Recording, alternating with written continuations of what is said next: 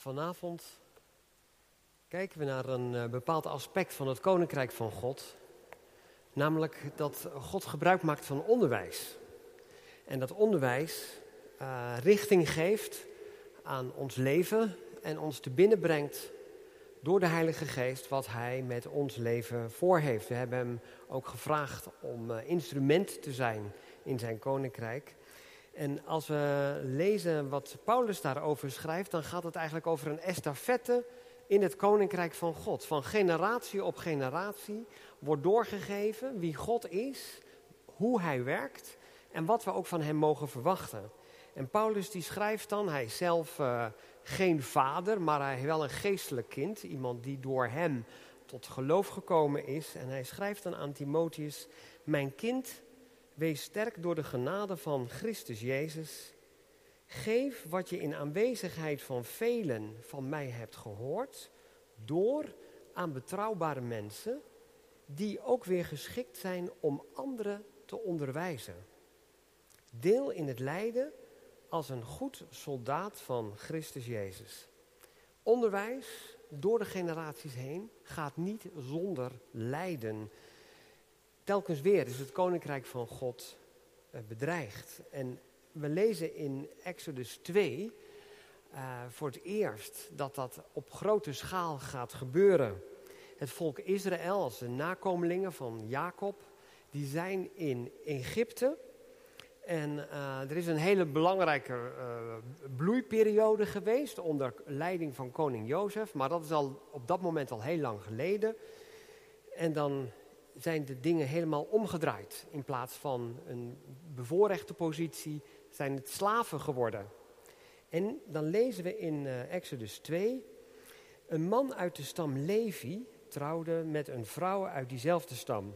Ze werd zwanger en bracht een zoon ter wereld. Het was een mooi kind en ze hield het verborgen, drie maanden lang.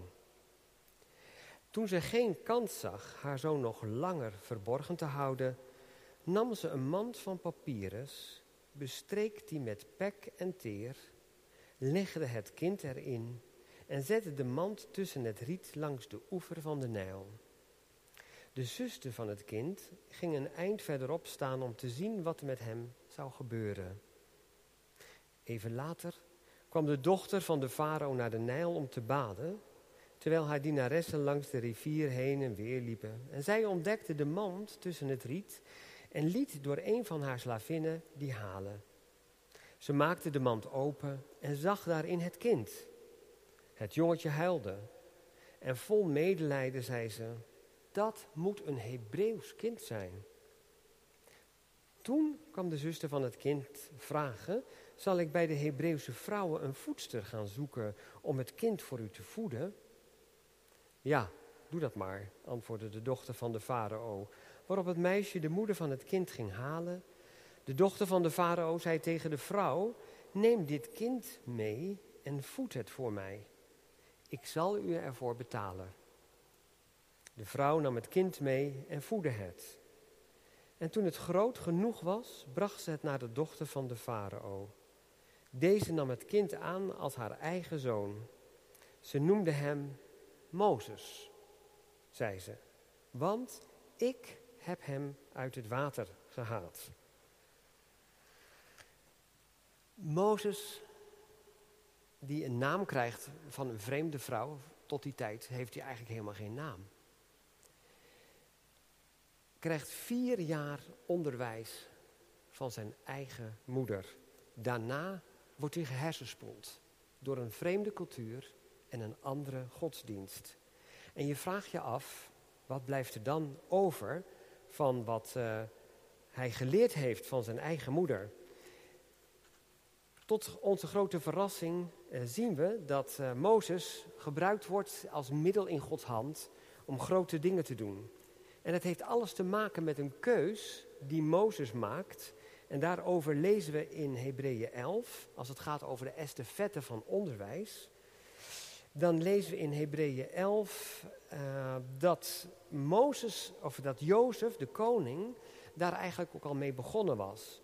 We lezen in Hebreeën 11, vers 21, door het geloof, even kijken hoor, Ja, door het geloof kon Jacob op zijn sterfbed zijn beide zonen van Jozef zegenen. En daarna knielde hij neer, steunend op de greep van zijn stok. Door, zijn geloof, door het geloof sprak Jozef aan het eind van zijn leven al over de uittocht van het volk van Israël en gaf hij opdracht zijn gebeente dan ook mee te nemen.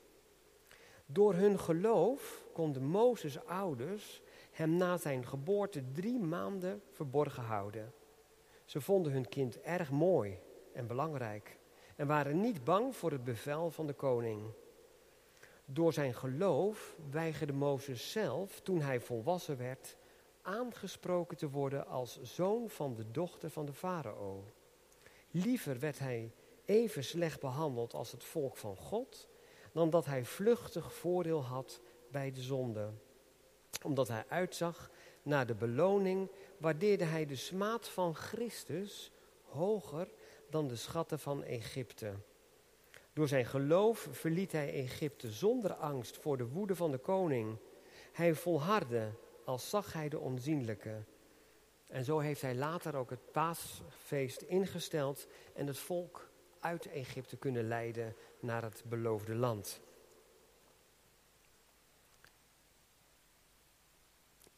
Het is belangrijk om te zien vanavond wat de impact is, de invloed is van onderwijs. Onderwijs dat gegeven wordt van generatie op generatie. En juist omdat het zo'n heel spannend gebeuren is, want het lijkt vaak alsof het plan van God helemaal vastloopt en gaat mislukken. Als je kijkt naar de geboorte van Mozes, dan kon het niet op een slechter moment plaatsvinden dan toen. Wat ik net al zei, eerst was het volk Israël bevoorrecht, hadden ze een eigen stuk land. En ze waren ook bevoordeeld omdat de koning van Egypte wel heel goed begrepen had dat Jozef, de koning, ervoor gezorgd had dat er voorspoed was, ondanks de hongersnood. Maar als dat al heel lang voorbij is en er komt een nieuwe koning in Egypte, die dat allemaal niet heeft meegemaakt, ziet hij juist in de groei van die familie, dat Hebreeuwse geslacht, een groot gevaar. En dan begint de narigheid. Eerst denkt hij, ik kan dat volk wel klein krijgen door de mannen dood te laten werken in een slavenkamp. Maar God zegent het volk en het gaat niet gebeuren. Dan gaat het van kwaad tot erger. En komt er een plan van genocide door middel van kindermoord. Alle Joodse jongetjes moeten gelijk al in de kraamkamer door de vroedvrouwen worden gedood. Maar die weigeren dat. Dan zegt de koning: Oké, iedereen in Egypte mag weten dat hij gerust een Joods jongetje in de Nijl mag gooien. Ook al ben je dan een soort NSB'er of zo, die andere kinderen aangeeft. Maar dat mag. Voer voor de krokodillen. En in die tijd wordt Mozes geboren, terwijl je dan alles tegen hebt. En God zegt, maar wacht even, ik heb een plan. In die zwartste nacht gaat toch het vuur van de hoop door, omdat er onderwijs is gegeven. Omdat er van generatie op generatie de belofte is doorgegeven, de belofte die God aan Abraham had gegeven, die meegegaan is naar Jacob, die doorgegaan is naar Jozef. En Jozef heeft een heel duidelijk getuigenis gegeven. Hij zegt, ik wil hoe dan ook niet in Egypte begraven worden, want God heeft beloofd dat wij als volk weer teruggaan naar het beloofde land. En daar moet ik echt begraven worden. Dus laat mij tot die tijd klaarstaan om straks meegenomen te worden. En dat onderwijs geeft de ouders van Mozes de kracht om tegen het bevel in van de koning toch hun kind te beschermen. Zij geloven daadwerkelijk in die belofte van God. Zij geloven daadwerkelijk in het plan van God dat dat door zal gaan. Onderwijs waardoor ze zich niet laten intimideren door een wrede koning. En dat is prachtig, dat ze dan ook weten hoe gevaarlijk die buitenwereld ook is. dat Mozes, als hij geboren wordt, wel in een heel liefdevol gezin wordt, uh, wordt geboren. En die ouders ook hem beschermen tegen die buitenwereld. Zij zien in Mozes een prachtig kind. Nou vinden alle ouders dat, hè? Maar zij begrijpen ook wel dat dit een bijzonder kind is, net zo goed als dat Jozef een bijzonder kind was en een leider werd van zijn volk. Let dan op wat er gebeurt.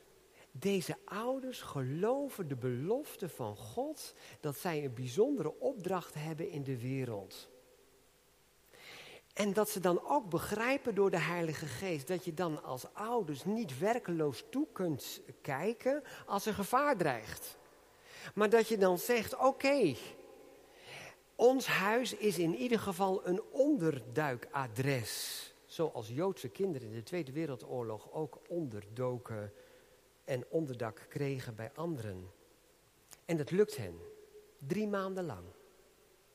Maar dan begrijpt iedereen wel dat dit een onhoudbare situatie is. En wat dan? Dan sta je toch als ouders met de rug tegen de muur. En wat gaat er dan gebeuren? Wie van de twee begon er het eerst over? Amram, de vader? Of Jochebed, de moeder? Als je uh, uh, Exodus leest, dan lijkt het wel alsof de moeder het voortouw neemt. Alsof zij tegen Amram zegt, maar weet je nog wel wat God ons verteld heeft over Noach? In de tijd van Noach was dat water ook een doodsrivier.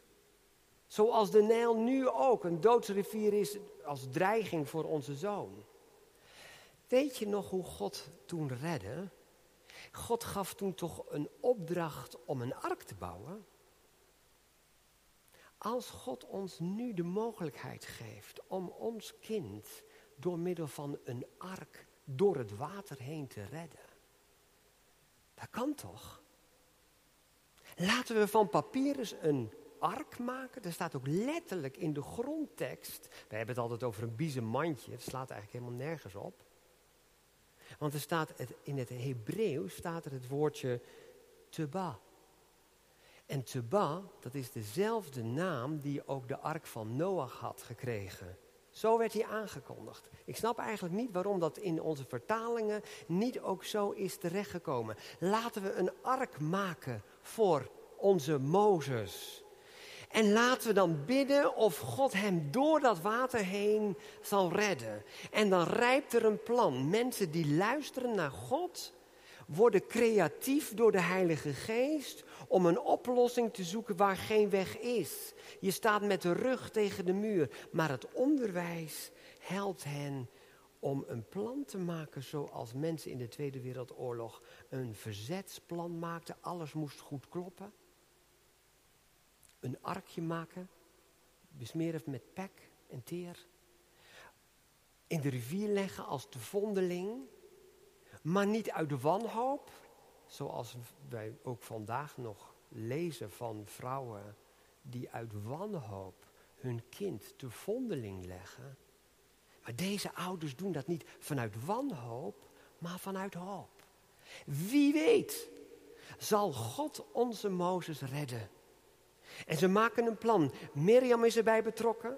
En Mirjam moet precies daar zijn dat ze een oogje in het zeil houdt. En Mozes wordt in het riet gelegd. En precies zoals ze hadden gedacht, wordt Mozes gevonden door de dochter van de farao. Van wie ze misschien wel weten dat de dochter van de farao andere ideeën heeft over het leven dan haar vader. Ze ziet dit kind, ze wordt met ontferming bewogen. En juist dan komt Mirjam naar voren. Ze zegt natuurlijk niet, dat is mijn broertje, wil je er wel vanaf blijven? Maar ze zegt, u heeft natuurlijk wel iemand nodig die dit kind kan voeden. Zal ik dat voor u zoeken? Een Hebreeuwse vrouw of zo? Ja, goed idee. Ze wordt er notabene zelf ook nog door voor betaald. En deze moeder krijgt vier jaar lang de tijd om dit kind op te voeden. Zo staat het ook in het Nieuwe Testament in Handelingen 7, in Hebreeën 11. Mozes krijgt vier jaar de tijd om gevormd te worden door het onderwijs van zijn moeder. Je vraagt je af, wat hebben Jochebed en Amram aan dit jongetje geleerd? Was een pinterventje. Dat blijkt later ook wel. Maar je hebt maar vier jaar de tijd om dit kind te vertellen wie God is. Wat het plan is van God met je leven. Hebben ze verteld over die koning Jozef, zijn voorvader? Hebben ze verteld over Abraham en de belofte die God aan Abraham en, en aan het hele volk had gegeven?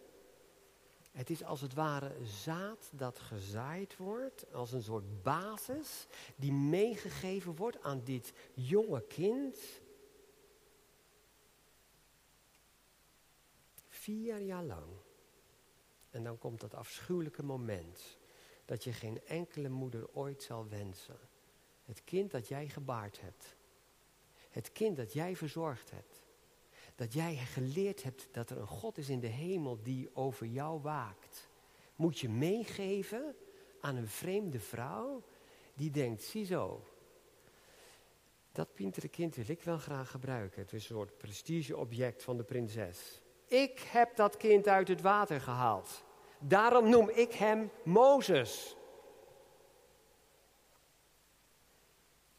Het is niet een adoptie om Mozes een betere toekomst te geven. Het is een gedwongen adoptie die te maken heeft met hersenspoelen. Want alles, maar ook alles in het leven van Mozes moet eigenlijk hem doen vergeten wat hij tot dan toe heeft geleerd. Ander huis, een paleis, ander eten, andere gewoonten, andere goden. Alles is doordrenkt van allerlei afgoden. Je wil niet weten wat voor afgoden de Egyptenaren erop nahielden. En ook al word je dan opgevoed met een geweldige kennis, voor die tijd dan, prachtige dingen. Mozes die dat als het ware ook helemaal indringt. Hij wordt helemaal meegenomen in die roes, in dat andere leven, in dat andere bestaan. Maar je bent wel weggerukt uit jouw eigen liefdevolle familie. En dat is een wond. Een wond in je hart.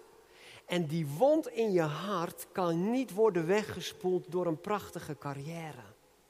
Die wond in je hart kan niet weggehaald worden, ook al kun je nog zoveel presteren.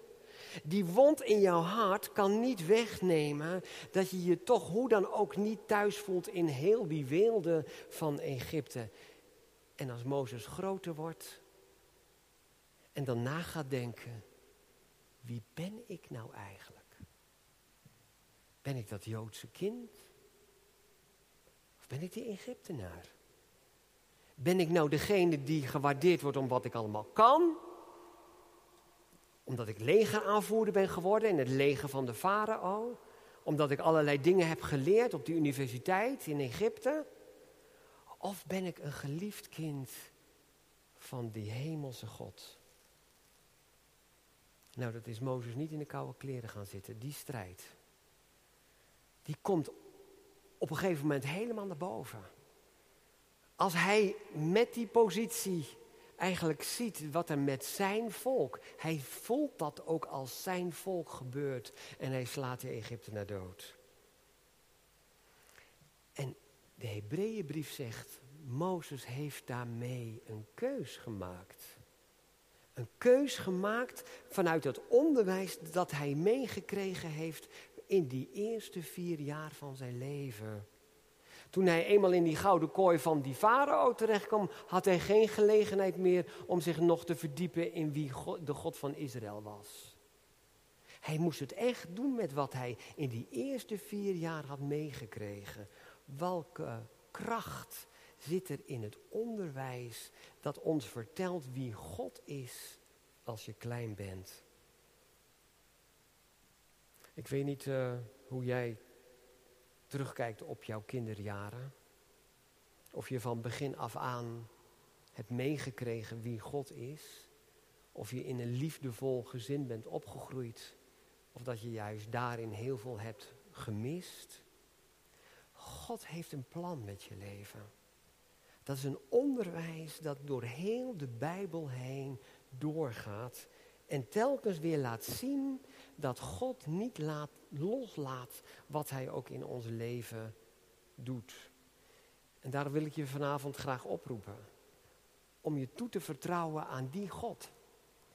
Je moet niet denken, nou kan er nog van mij wel iets geweldigs worden. Kijk eens naar de moeilijke omstandigheden waaronder Mozes is opgegroeid. Waar hij eigenlijk die, dat eerste onderwijs eigenlijk als het ware helemaal weggespoeld werd uit zijn gedachten, maar toch naar boven kwam. Hij heeft er jaren over gedaan om die dingen goed op een rijtje te krijgen. Neem er de tijd voor. God is een God van geduld. God is een God van de lange adem. Maar geloof in het plan van God met je leven. God heeft het beste met ons voor. Een plek in zijn koninkrijk. Hoe? Laat je door God leiden. En ga door het geloof de keuzes maken zoals Mozes dat ook deed. En leer. Leer van anderen. Leer van je ouders. Leer van mensen om je heen. Misschien mensen, andere mensen uit de kerk. Misschien andere mensen uit je straat. Mensen uit je familie. Maar kijk naar wat zij hebben geleerd. En spiegel je daarin. Om te ontdekken wat God met jouw leven voor heeft. Zegen daarin. Amen.